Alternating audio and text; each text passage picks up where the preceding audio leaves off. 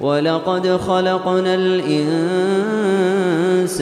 ونعلم ما توسوس به نفسه ونحن أقرب إليه من حبل الوريد. نجد الله سبحانه وتعالى يذكرنا بأمر عجيب. الإنسان قد يحاول إخفاء كثير عن الناس فما يطلع عليه أحد. ونسأل الله بأسمائه الحسنى وصفاته العلى ألا يكشف لنا سترا إلى خلقه. كما ستر ذنوبنا عن العباد أن يسترها يوم القيامة فلا يفضحنا به بينهم. الله حين يذكرنا ولقد خلقنا الإنسان ونعلم ما توسوس به نفسه. نحن جلوس الله أعلم ما توسوس نفوسنا نحن هنا.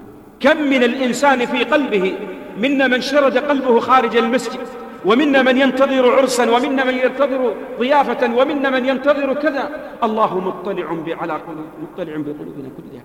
لا تخفى عليه خافية. ولهذا هذه نوع من التهديد هددنا ربنا سبحانه وتعالى بأحوال الأمم السابقة وأنهم دمروا فما بقوا على وجه الأرض. والآن يعطينا تهديدا لطيفا نتدبره في أنفسنا. حبل الوريد ما في أقرب منه. ويعطينا أمرا يجب أن نقف معه أن نراقب الله تعالى في أمورنا كلها. صغيرها وكبيرها حتى يكون لذلك أثرا على نفوسنا وعلى جوارحنا. ويذكرنا ربنا سبحانه وتعالى بحقيقة هي بعيدة عنا كثيرا ونتأمل قول جمع من السلف نقلت عن أبي الدرداء وعن سلمان وعن غيرهم لما قال ثلاث أضحكتني ثم أبكتني.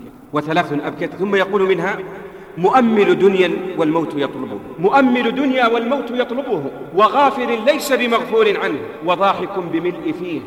ما يدري أربه راض عنه أم ساخر. ما يدري أربه راض عنه أم ساخر. تذكر حقيقة الموت. تلك الحقيقة التي لو جاءنا الموت ودخل قال إني قابض نفس واحد منكم. من منا يقول أنا لها؟